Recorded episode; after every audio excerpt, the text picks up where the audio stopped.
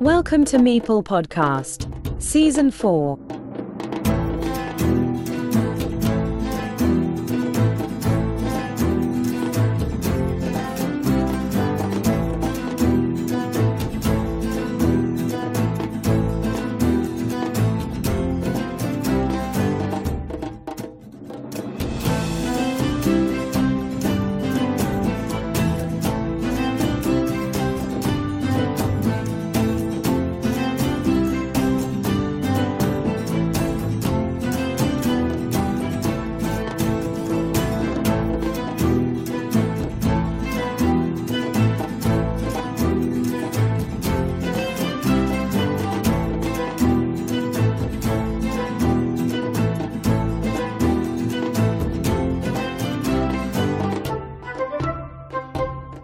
Hi there! This is time to listen to anyone different, not a player from anywhere, nor a Spanish Carcassonne fan. It's the moment for an English language meeting, a corporation interview. It's time for the new manager of Board Game Arena, Alexander Schlecht, Lord lordalx on BGA. Welcome to Meeple Podcast. Nice to meet you, Joaquin. I'm glad to be there to talk about Board Game Arena and answer the question on our platform. Let me say hello to every listener of this podcast as well. I don't know if you realize the BGA means for me on this sound channel, because thanks to the private messages, I can contact anyone for interviews. It's amazing. On the other hand, I love board games in general, but Carcassonne and Hive in particular. This special podcast is the only one about Carcassonne around the world. What do you think about BGA helping to grow the community of board games? As a player, I'm pretty convinced that BGA is a great support for the community. I also have a couple of favorite games, and it was nice to encounter, meet, and be friends with players sharing the same passion in many countries or other continents.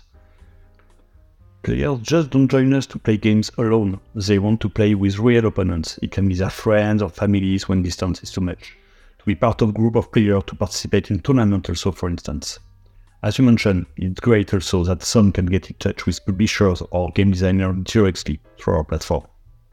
Recently, Emmanuel Colin and at the end Gregory Isabelli have left the BGA team. The co-founders of this their platform are in other personal projects. What do you think about these guys? I have a lot of respect for both Gregory and Emmanuel from what they did at the very first stage, turning their initial idea into a concrete platform for players, building and taking care of a community of players, of developers.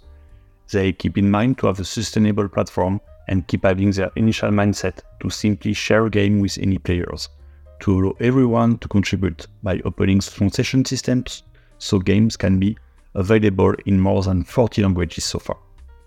There is also documentation they provide on the studio, the developer website, so developers can bring games more easily. I'm also very impressed regarding their effort and involvement during the pandemic, where the traffic was so high that the servers couldn't bear that much. What's Asmodee giving to the BGA universe? I mean, the great French publisher has made an important movement for the future, but for this website's future or for Asmodee's future? What's important is Board Game Arena for Asmodee? Since Asmodee came in, it brings many notorious licenses that are very appreciated by the players. I could mention Catan, Azul, or Ticket to Ride. Some others are on their way too. Obviously, we'll keep on adding many licenses from other publishers as we always did. We now have more than 600 games available from the publisher's backend catalog and also some new releases. What really changes, and it's more related to our community size than Asmodee maybe, is that many publishers come to us to have their game published on Board Game Arena. We'll keep on chasing some licenses, but it became far easier. From Asmodee's perspective, our platform is serving all the board game industry, and so, what is good for it is also good for Asmodee, which is a major actor. Personally, you are one of the great last BGA developers. How do you reach to become the manager of Board Game Arena? It's a bit of a long story, made of passion and opportunities.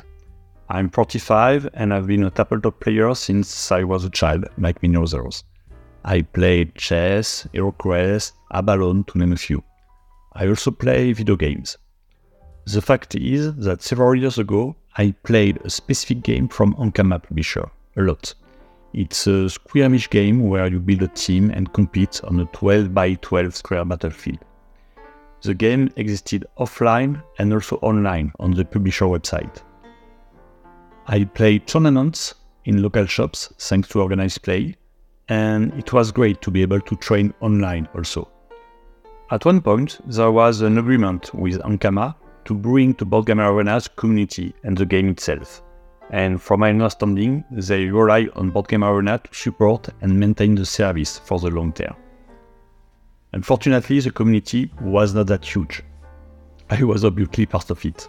Some bugs remained and they asked for volunteers to support them. That's where I came in, fixing bugs, adding new units. It was in 2019, if I remember well. I learned from the studio and brought on other Ankama games. From my background, I'm software engineer and work in the aeronautical industry, so it was a side activity, just for entertainment. I really liked doing this since it, it only takes a few months to bring a game and you can get the direct feedback from the community, the players, very quickly, or at least quicker than in embedded software. Things move faster one year later when Res Arcana got the As d'Or in Cannes. I showed strong interest in that game and start working more regularly with Greg and Emmanuel as a volunteer developer. I didn't want to get involved alone and proposed a long-time friend to join me. His name is Benoit, as known as Darth on BGA. Together, we bring many games Res Arcana, Splendor, Lost Explorers, Seven Wonder Architect, Living Forest, Catan, obviously, uh, Stellar in the Dixit universe, Next Station London and Tokyo, Make a Dream, Photosynthesis. Next Station Tokyo was the last game on which I worked. During the pandemic, I applied for Board Game Arena and Greg got my full history. I had solid experience in managing people from my previous company and knew a bit of BGA for sure, at least from the developer side.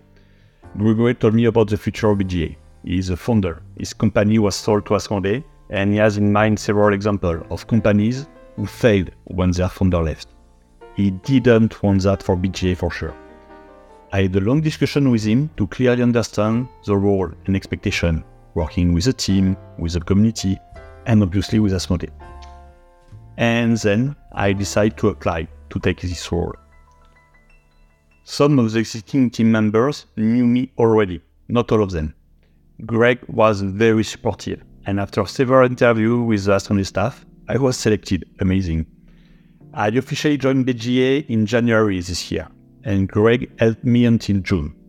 He's still around and he proposed to summon him if I needed. He even gave me a custom spell card from Magic the Gathering to do so. The interface of BGA is very simple for users, but many players dislike the time control because it is the same for any kind of game except for tournaments. Should be a customizable time like chess clocks to open an incredible opportunity for official competitions. Antonio Soler, Morgalat on BGA, an old developer on BGA, Santorini, Taluva, Takara Island, etc., told in his interview on Meeple podcast that it would be difficult to change the BGA interface because the main part of this website is shared for all the games and developing a new kind of time clock means to change the whole interface. What's the truth about that? it's totally true. Greg and Emmanuel start working on BGA during their free time, and despite many architecture principles being quite good, they had constraints and there are few things that have many dependencies with all the core part of BGA. Timers are one of them.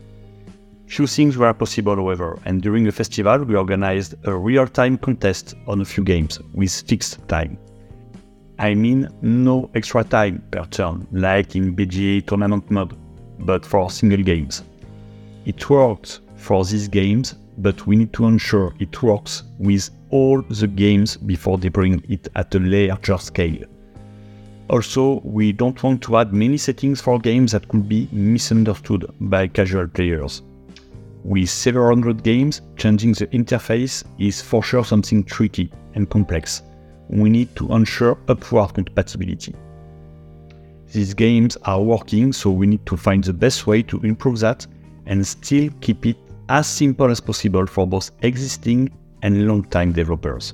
How many people connect to the BGA website to play every day? This is something I'm not monitoring on a daily basis. Since I'm there, I can tell that there are roughly 1 million games finished weekly and also around 1 million hours spent by our players in the same time frame. Some players can play many games per day, some others have only weekly session with friends or play tournament during peak hours. We can have maybe around 20,000 of players at once. But since we also support turn-based games, opposite to real-time, some players just log in, play their moves, and disconnect. About that, there is some very useful feature on BGA that allows you to get notified on your browser, even on an Android phone, when it's your turn to play. I really use this a lot for my turn-based games. What we pay for the premium membership program is growing year by year. However, I don't know anyone who gets out after increasing this amount. Will prices be raised next year? And what's the reason for it? Regarding the price, we just increased the price in June, and I really don't plan to have some kind of yearly price increase. We have set the monthly fees to 5 euros and increased the yearly subscription from 30 to 36 euros, same in US dollars. Last price increase was in November 2021, and before that in 2016, I guess. Some long-time players still had the previous price, and it was a nightmare to work with so many prices in several currencies as well. What I want to keep as a reference is a yearly price that matches a mid-range physical game box, or even cheaper. That's where we are, and I feel it's the right place, and the yearly subscription is really valuable. At the same time, publishers are also getting revenues from their game audience, and we also have all the servers to support. We increased the team recently, and we have around 8 full time employees, including me. The last important thing regarding premium subscription is that it grants access to all the games as well as other premium features. And you just need one premium player to create a table for your friends and family. Like in real life, all players don't need to get their own copy to play together. That's the spirit. I suppose you have an easy way to contact the main board game publishers around the world, but at the beginning it was a difficult task. The pandemic caused BGA to grow up, and many other games came to BGA to show to anyone a great library to play. But users have taken part in it. Developers like you, testers, moderators, translators, authors of tutorials, etc. Also, BGA is part of the users. And I understand the way to grow together is doing what is necessary for commercial law, agreements with publishers. But what is necessary for those who are the main customers, the players? Who are you going to do to make the BGA more comfortable for players? Our community is our greatest value. From tutorial makers, developers, gurus, translators, moderators, we really want to support and is their way to contribute. That's why we keep on improving and bringing new stuff. We have some nice features to show soon. As part of the BGA DNA, we only show things when they are ready. One of the current issues we have is with so many games, it can be difficult to find opponents in real time for some of them. On the other end, we want to be able to bring new players on our platform even if it's working when you know what you have to do, some parts are not as user friendly as I wish. We are also working to improve the new player's journey on BGA. I have many examples of friends that suffer from not being able to join a game easily from their first attempt. At the end, bringing new players will also bring new opponents, for the existing ones. But we still want BGA to stay a safe place to play for everyone. Please tell the audience some statistics about Board Game Arena. I asked you before about players in one day, but what about premium members? What about the number of the games in the BGA catalog? What about the number of servers around the world? I don't know, but I suppose you manage some other number of several types of parameters about Board Game Arena. Currently, and since the pandemic, we have to duplicate game servers to support all of the running tables. This was not part of the initial architecture. We now have around 10 of those servers available to support at the moment, a bit lower than 200,000 games running at once on them. What we monitor is the number of requests per second on these game servers to identify how busy and loaded they are. At the time being, there are more than 600 requests, many moves per second on this server. We also rely on content delivery networks around the globe to reduce latency for static data. From the player point of view, we recently went beyond 9 million registered players. That's huge. From that, we identify a small part of regular players, and from them, around half are premium players.